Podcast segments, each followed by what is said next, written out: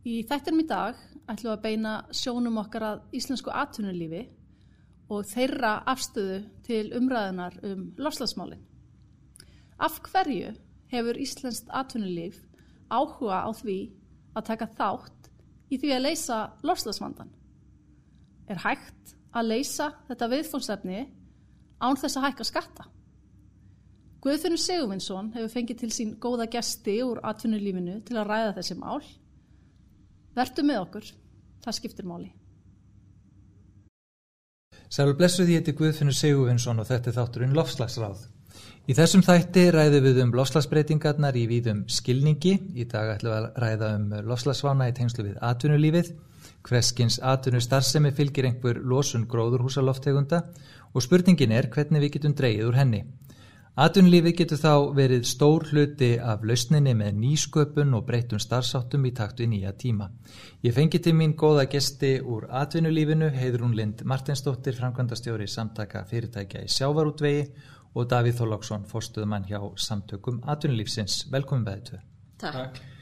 Uh, fyrsta spurningin kannski, Davíð, þú byrjar. Vill atvinnulífið leggja sitta mörgum til að leysa lofslagsvandan?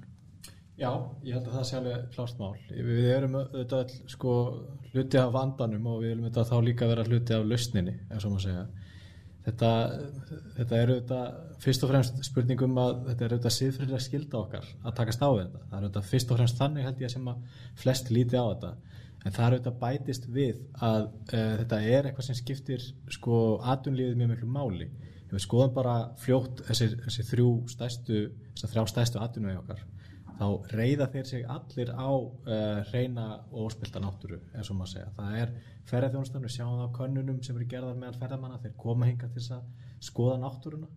Uh, við sjáum það með uh, orkufrekarn yðnað, þar þurfum við á, á hreinni orku að halda til þess að knýja hann áfram. Og svo þetta séast en ekki síns sjáum við það með sjárútvegin að að ég held að einn stæsta ógnin sem stæðir að sjáratögnum í dag eru loftslagsbreytingar sem að hafa áhrif á súrnum sjávar sem getur haft verulega slæm áhrif á stöðuna hérna í kringum Ísland þannig að þetta eru, þetta eru samileg hagsmun okkar allra mm. Er, er ávinningur í þessu fyrir ykkur? Klárlega og eins og Davíð segir auðvitað, hérna, skipta, skiptir máli hérna, allar aðstæður í umhverfunu fyrir, fyrir sjáarútu og það að við draugum hér fisk og sjó var fyrst gengt í okkar lögsugu hérna, þessi loftslagsmál og súrnum sjávar, hlínun sjávar eh, hefur áhrif á þetta.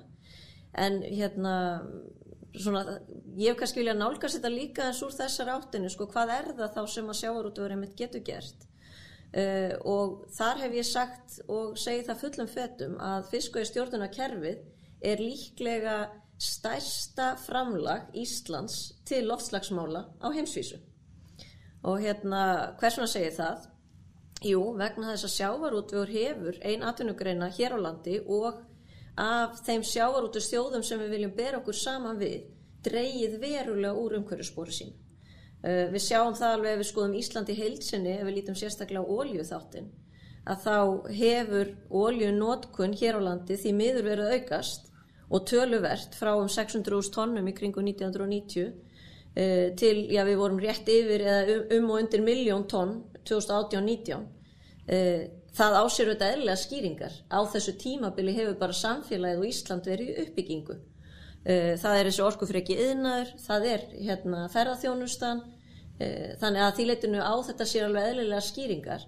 Eh, en sjávarútugur átti um 45% af oljunótkunni hérna fyrir aldamótin e, í dag á hann um 14% af oljunótkun og hefur dreyið úr uh, já, frá 1990 til uh, 2019 að þá var samdráttur í oljunótkun eitthvað í kringum 47-8% þannig að hann hefur dreyið úr olju um helming sem er magnað að honum hafi tekist það en verðmætin eru markvallt meiri og við erum að draga sambarlegt magn úr sjó Þannig að hérna, við erum að nýt, nota helmingi minni ólju við það að draga samanmagn og sjó við gerðum kringu 1990. Þannig að þetta er ótrúlega stórt framlag til loftslagsmála og þarna skiptir auðvitað máli bara það kerfið sem við höfum skapað um sjávarútu. Og hérna þrátt fyrir að hérna, sumum þykir kannski leiðigjant að vera að tala um kvótakerfið og hérna, það sé eitthvað þreytt konsept en þá er það nú þannig að þegar við veiðum í samræmi við vísindarlega ráðgjöf og erum þar með alltaf að reyna að byggja stopnin upp, fiskistofna upp til framtíðar lítið, litið að hérna, þá eru þetta sterkari fiskistofna leðið til þess að það er auðveldar að sækja fiskin. Það er bara meira af honum þannig að þú þarft ekki að sigla um í langan tíma til þess að hérna, geta kastað út og ná þar hérna, vænlegum afla. Sérstaklega hvað þoskinn varðar. Mm -hmm. e, þannig að svona, hvað umhverfsliðina varðar í fiskustjórnakerfinu þá eru við þar á réttri leið.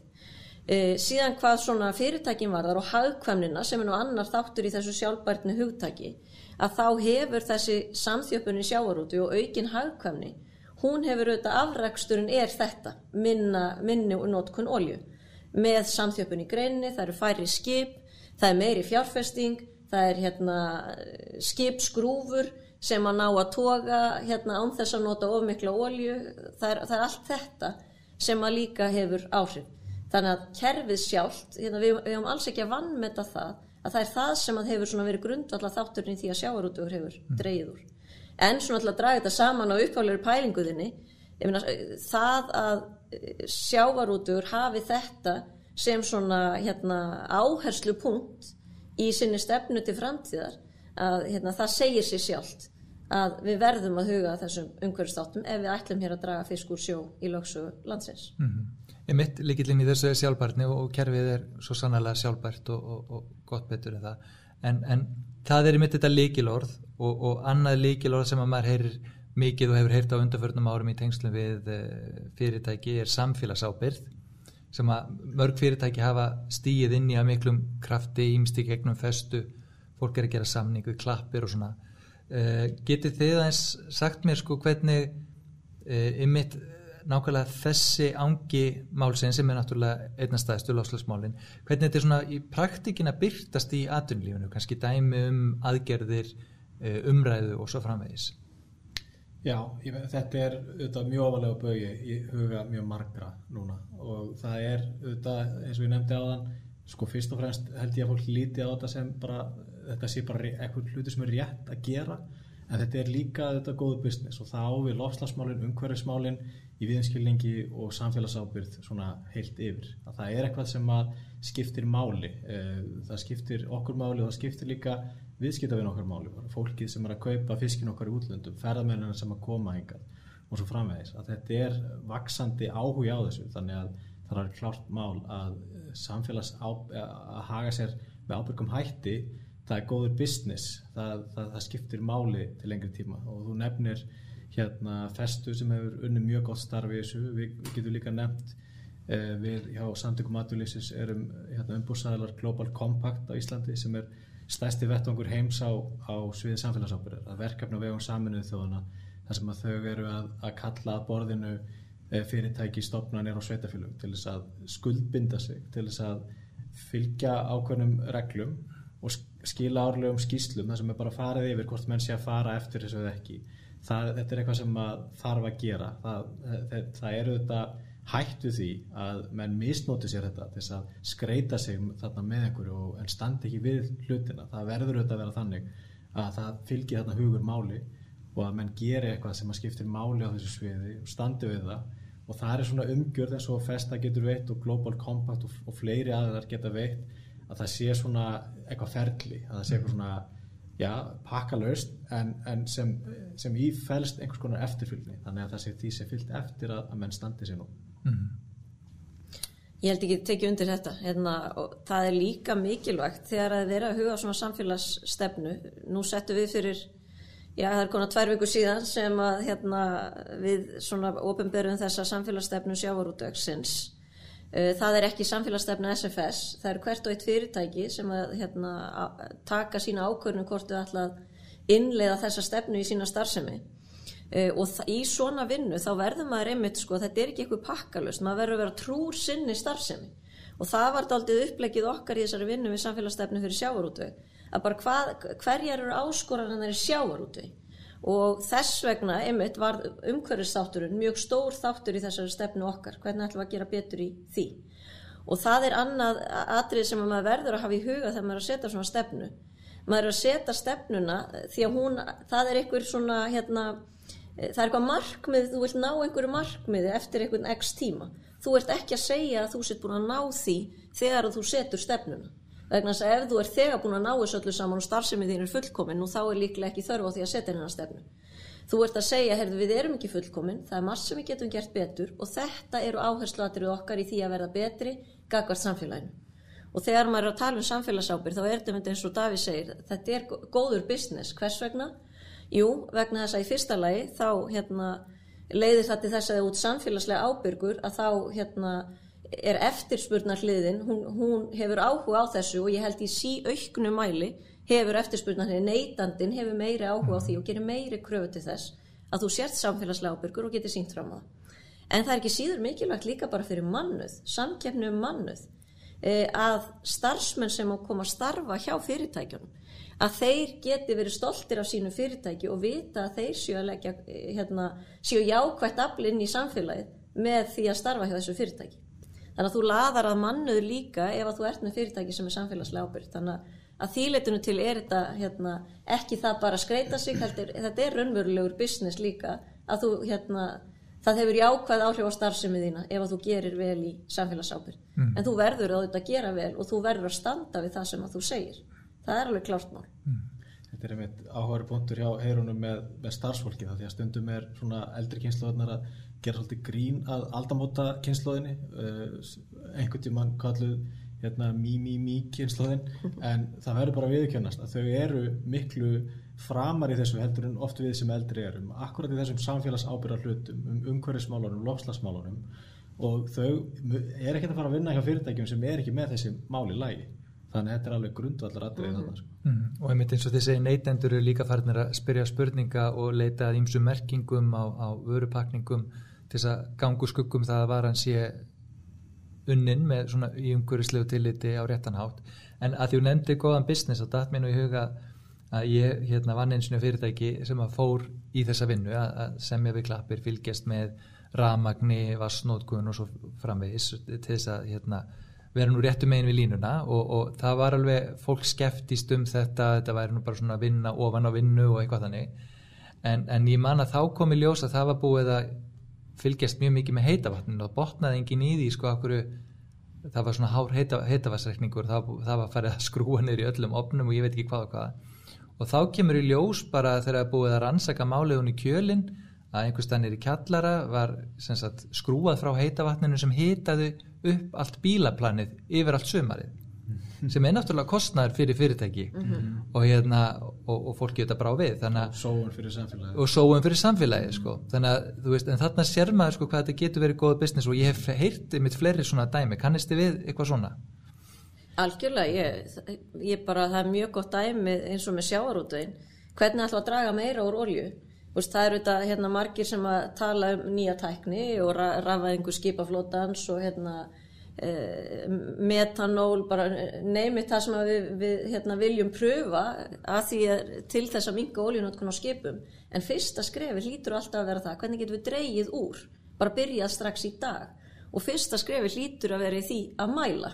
Hvernig bara, ég þarf að fara að mæla hvaða ólíu ég er að nota og fylgjast með því, hvernig nota ég mikla ólíu og hvernig nota ég litla, bara eins og í veiðum hvernig var veðrið þennan dag hérna, samanburð á milli skipa, sambarilega skipa í sambarilegum veiðum, samanburð á milli skipstjóra. Það eru svona skref sem að hérna, sjáurtusfyrirtæki munu taka og eru að taka í dag þar sem að þau sjá klárlega heyrðu, ok, hér er augljósleika sem ég get gert betur í. Eh, hérna, þennan dag er augljóst að hérna, við vorum að stíma og fljótt í land þegar engin ástæða var til, eittum og mikill olju og sjá, hérna, þetta er bara reynsla sem við heyrum frá fyrirtæki sem hafa einmitt farið að gera þetta með markveðsum hætti og breym kannski þar fremst í flokki mm -hmm. að menn sjá ávinning strax þarna mm -hmm. að þú getur farið að spotta hvar geti dreyið úr en þú gerir það ekki fyrir þú fyrir að mæla þetta með einhverjum hérna fullnaði þetta hætti mm -hmm. farið við yngvepa stefnun og svona en, en aðeins kannski bara þá að pólitíkinni í kringum loslasmálin um, maður heyrir mikið um það að það er að setja á mengunarskatta og ímiskjöld uh, og þetta er svo sem ekki óeðlut að sá sem engi borgi þá bara fyrir það með einhverjum hætti. En uh, er hægt að hérna einhver síður takast á við loslagsvandan að eitthvað maður þetta á þess að hækka skatta? það, það er vel hægt.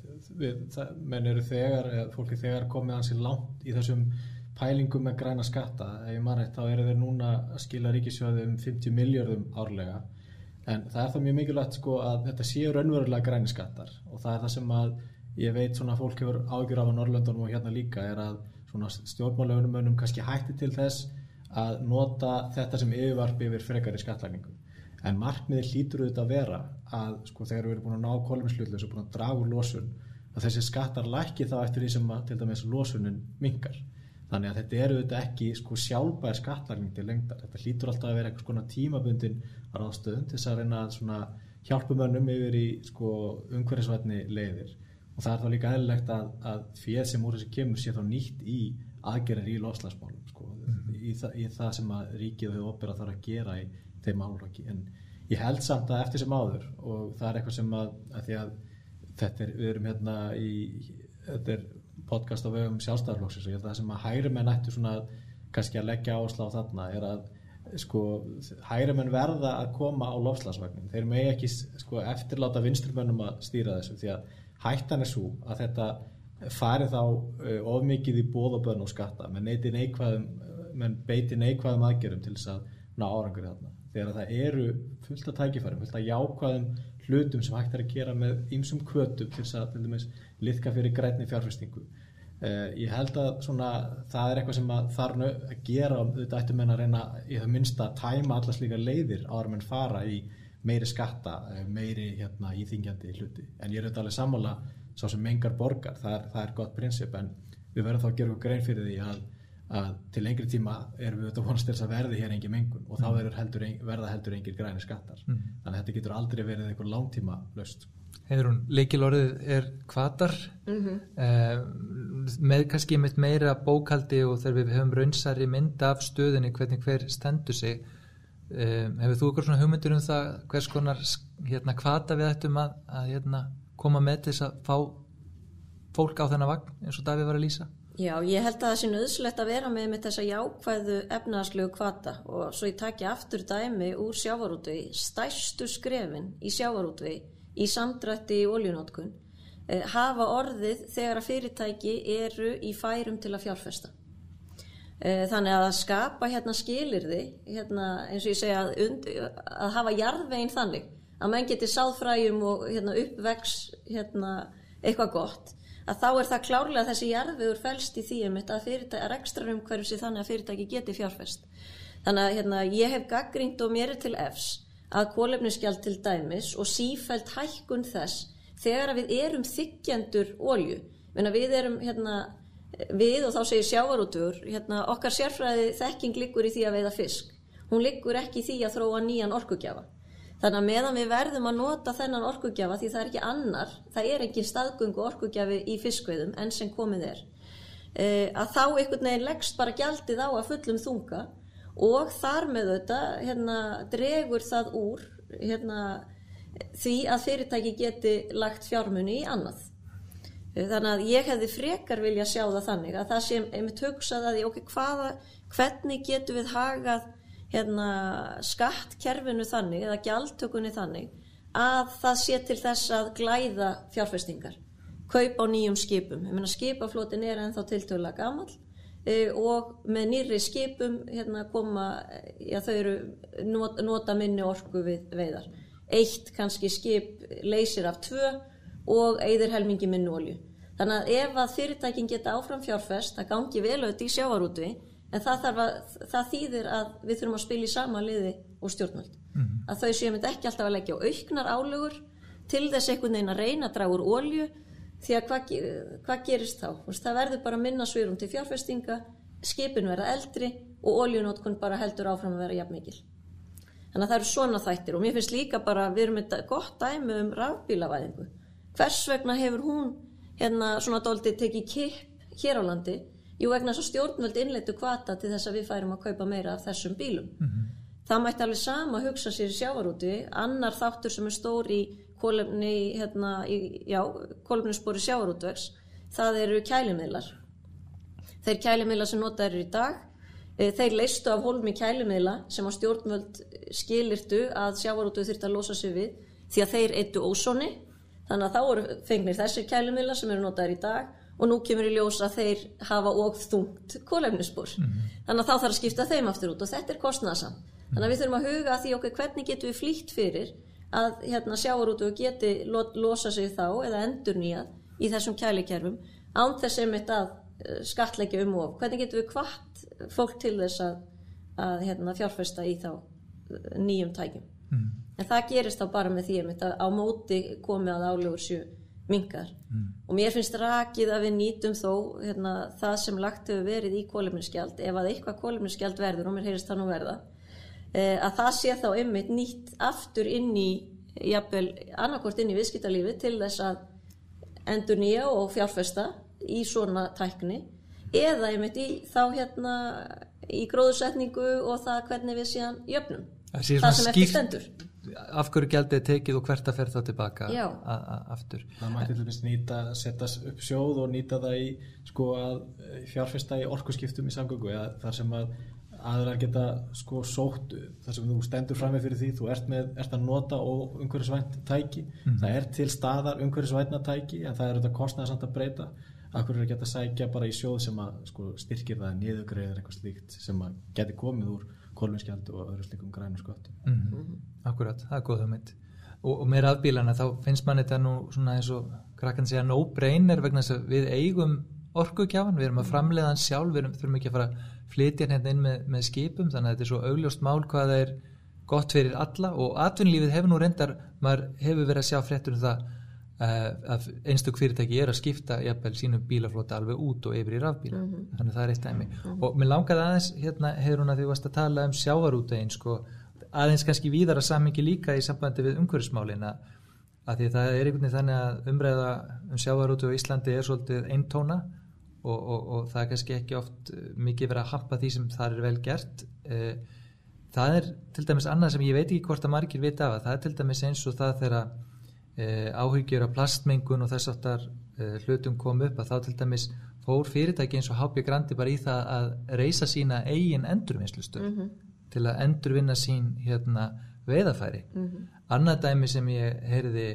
að norðan og, og frá landstæktum umhverfisina sem hafi farið þar um, um fiskvinnslu samherja að hann var, hann var alveg gapandi yfir því að veist, það hefur verið að nota íslenska vatni til þess að skera fiskinn alveg upp á millimetr, það hefur verið að nýta hráefnið að öllu leiti, það er ekkert sem gengur af eins og var áður fyrr þannig að þú veist, það er mjög margt þarna í gangi háþróaði lausnur og mikil fjárfesting sem ymmit meðar að þessu Mhm.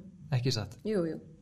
Og hérna, það er einmitt, sko eins og bara þetta með veiðafærin, að hérna, það er auðvitað svo ímynd og hún er bara neikvæð þegar maður sér hérna söfnun í fjörum landsins og þar er eh, stórum hluta eru það veiðafæri sem að hérna er þar verið að sapna saman. Eh, Blessunarlega er það nú þannig í dag að ég meina það, það eru ótrúlega verðmæti sem felast í veiðafærum. Þannig að það er nú hérna, ekki algengt að menn miss- missi veiðafæri og gerir ekkert í því til að endurheimta þau. Blessunarlega. Þannig að þetta eru hérna, í flestum tilvikum fortíðadraugar sem eru þarna komnir á land og í mörgum tilvikum auðvitað veiðarfæri af erlendum, úr erlendum meina þau berast hérna hundruði kílómetra. Og við höfum meiri segja nýlega bara svona til gamans til að vita þetta gerðum við smá greiningu á því. Fengum nokkur hérna svona veiðarfæri sem hann hérna Tommy í bláa hernum hafi verið að safna. Og þá kemur í ljós einmitt að þetta eru ekki veiðarfæri sem hafa verið notið hér á landi. Efnið í þessu ekki, hefur ekki verið notað hér. Og hampiðan hérna var með okkur í þessu en þetta er bara áframhaldandi verkefni. Við erum með samning núna við úrvinnslusjóð uh, um að hérna endurvinna eða að atvinnugreinin taki ábyrð á því að eh, koma veiðarfærum til endurvinnslu þau sem endurvinnanlega eru. Uh, og hérna það hefur gengið vel og meira farið til endurvinnslu en gert var ráð fyrir í samningnum hlutfalslega en þetta er áframhaldandi verkefni og þetta er eitt af því sem við viljum gera betur það eru enþá munaðalös veiðafæri eh, á bryggjum og í sveitafélögum og annað þess áttar sem að við viljum eiga samstarf við sveitafélögin um að hérna, hyrða upp og koma þá til endurvinnslu því sem að hægt er að koma til endurvinnslu en plast í sjónum er áhyggjefni fyrir sjávarútu og hérna ég hef nú séð auglýsingaherferðir frá hérna LIU á þeim tíma kringum 1990-1995 þar sem við verðum að tala um plast í hafi. Þetta er ekkert ný, nýtíska fyrir sjáarútu, við höfum verið að tala fyrir þessu lengi og ég þetta er áhyggjefni og sér í lagi þá út frá hérna, því sem að þá gæti farið í þau matvæli sem við erum að framlega, það plast sem að fyrir getur endað í matvælum. Snýstum að venda öðlendina sjálfsögðu, Já. að fá ekki örplast í fiskin sem við erum að borða. En, en kannski svona rétt að lokum við erum búin að fara vítt og breytt og, og ef við viðum öll en við langar samt til að henda þá risastóru spurningu það svona sem tengist atvinnulífinu að, að það, það er svona ljóst nokkur neginn samt af, af vandamálinu eins og það liggur fyrir að, að, að, stórun hluta er þetta of framleiðsla og of neysla sem að í rauninni er að kalla á meiri hátar umhverfisvandamál hvort sem það er í lofslæginu eða í hafinu eða, eða hvar um, vöruflutningar auðvitað fara mikið fram núna í gegnum uh, flugsamgöngur vegna þess að fólk vil fá feska vöru með hröðum og örgum hætti. Um, hvernig haldið að það þróist? Hvar, hvar sko, er þarna svigurúm einhvern veginn til að gera hlutina betur? Eh, eða eru við komin bara, lifum við í heimi þar sem að verður svolítið erfitt að þá draga úr framleiðslu og einnota drastli og fánýtum hlutum sem hafa stuttan lítíma er eitthvað í þessu sem við þurfum að endur skoða sko því ég stundum haldið fram og ég sé eins og sko formann landverndar haldið fram að eina lausnin úr hérna lofslagsvandanum sé raunar að við hættum með kapitalisma sko að það, að það kapitalismin sé, sé rót vandans. En ég held að því sé eða þveru öll farið, það eru kapitaliska lausnir sem munir leysa þennan vanda, það er fjárfesting og nýsköpun og dæmi sem að þú tókst áðan með það hvernig sko, okkur hefur tekist eða sjárótögnum í samstarfi við þessi hátækni fyrirtæki okkar, Marel, Skagan, Þrjávegs og Völku að nýta til þess aflan miklu betur. Erum eitt gott dæmi um það? Það er ekki út af sköttum sem það gerist. Það er ekki út af bóðum og bönnum. Það er út af nýsköpun og fjárfestingu sem það gerist. Og þetta eru lausninnar og þetta, þetta munum við, þetta mun atvinnulífið mun almenningur, ríkið leysa í saminningu, þetta verður ekki leyst af atvinnulífinu einu en það verður gert með kapitalískum lausnum sem er fjárfesting og nýsköpun og það besta sem ríkið getur, getur gert að lagt að mörgum í þessu er að skapa kvata hér fyrir fjárfestingu á þessu sviðum Ég held að hérna, þetta hafi verið ágættið summering á þessu. Hérna, fyrir okkur er líkilatriðið með þetta að sjáurútöfu sé í færum til að fjárfesta. Mér finnst eitt punktur í því líka, hérna, svo ég komi aftur inn á fiskveðstjórnarna kerfið, sko, að það er þessi hérna, ótímaböndni afnótaréttur, framseljanlegi, sem að fyrirtæki hafa, sem að er það sem að býr til þessa langtíma hugsun fyrirtækjana sjálfra. Vegna þess að fara, það að fara í nýsköpun og samstarf með fyrirtækjum eins og Skaganum, Völku, Skæ, hérna, eh, hérna Marel og þessum fyrirtækjum þetta er ekki tjálta til einnar nætur. Þetta er ekki tveggjára prósess, þryggjára prósess. Það sem þú ert að láta af hendi alla þína þekkingu hvað sjáar út veginn varðar og á móti koma hérna tæknifyrirtækin það er þetta samstarf sem að tekur ekki bara 2-3 ár heldur 15, 20, 25, 30 ár sko Mér finnst ágætt dæmi með völku, það er stopnað 2003, eh, nýsköpunarsjóður atvinnulífsins og frumtak selja sig út úr völku 2018, eftir 15 ár. Þá er þetta fyrirtæki svona má segja að slíta baskunum. Þannig að þetta er svo ótrúlega langt ferli sem þessi nýsköpun tekur, en við verðum að hafa þólimæðina í það og þá verðum við líka ná að tvinna eða að koma fyrirtækjunum að kerfið sér þannig að fyrirtækin hafi þessa langtíma hugsun. og hafi styrk í rauninu og fjárfestinga getur til að fylgja því eftir Já, og ekki máli. bara það, og hafi aflaheimildir. Já, hérna, akkurat. nú er oft talað um einhvern aflaheimilda og það er einhvern veginn að endur útluta hlutunum og menn fá einhverju útlutun til einhverju x ára og annað þess áttar. Það mun hafa áhrif á svona fjárfestingar. Mhm. Það er alveg klárt mál. Við sjáum það bara og sjáum út í annara þjóða. Þar sem að er ekki til staðar þessi ótímabundni framsæranlegi afnótaréttur. Þegar menn hafa þá bara skam, þeir get ekki hugsa lengur en 5-10 ár fram í tíman. Nú hvers vegna ættur þá að leggja þína þekkingu inn í tæknifyrirtækin ef að þú mynd aldrei sjá afrakstur þess vegna þess að þú verður jafnvel ekki starfandi sjáurti á þeim tíma. Þannig að þetta fiskveistjórnarkerfi sem við erum með í því fælst líka svari við þessari líkil spurningu hvernig ætlum við að gera betur í lofslagsmálum sérstaklega hvað sjáurti varðar. Við þurfum að passa upp á þetta kerfi því að það er það sem að hefur skilað okkur árangurinn til þessa. Reglulega gaman að fara yfir þetta með ykkur Heirun Lind Martinsdóttir framkvæmdastjóri samtaka fyrirtækja í sjávarútvegi og Davíð Þólagsson fórstöðumadur hjá samtökum atvinnulífsins. Takk hjá fyrir komuna. Takk. Takk.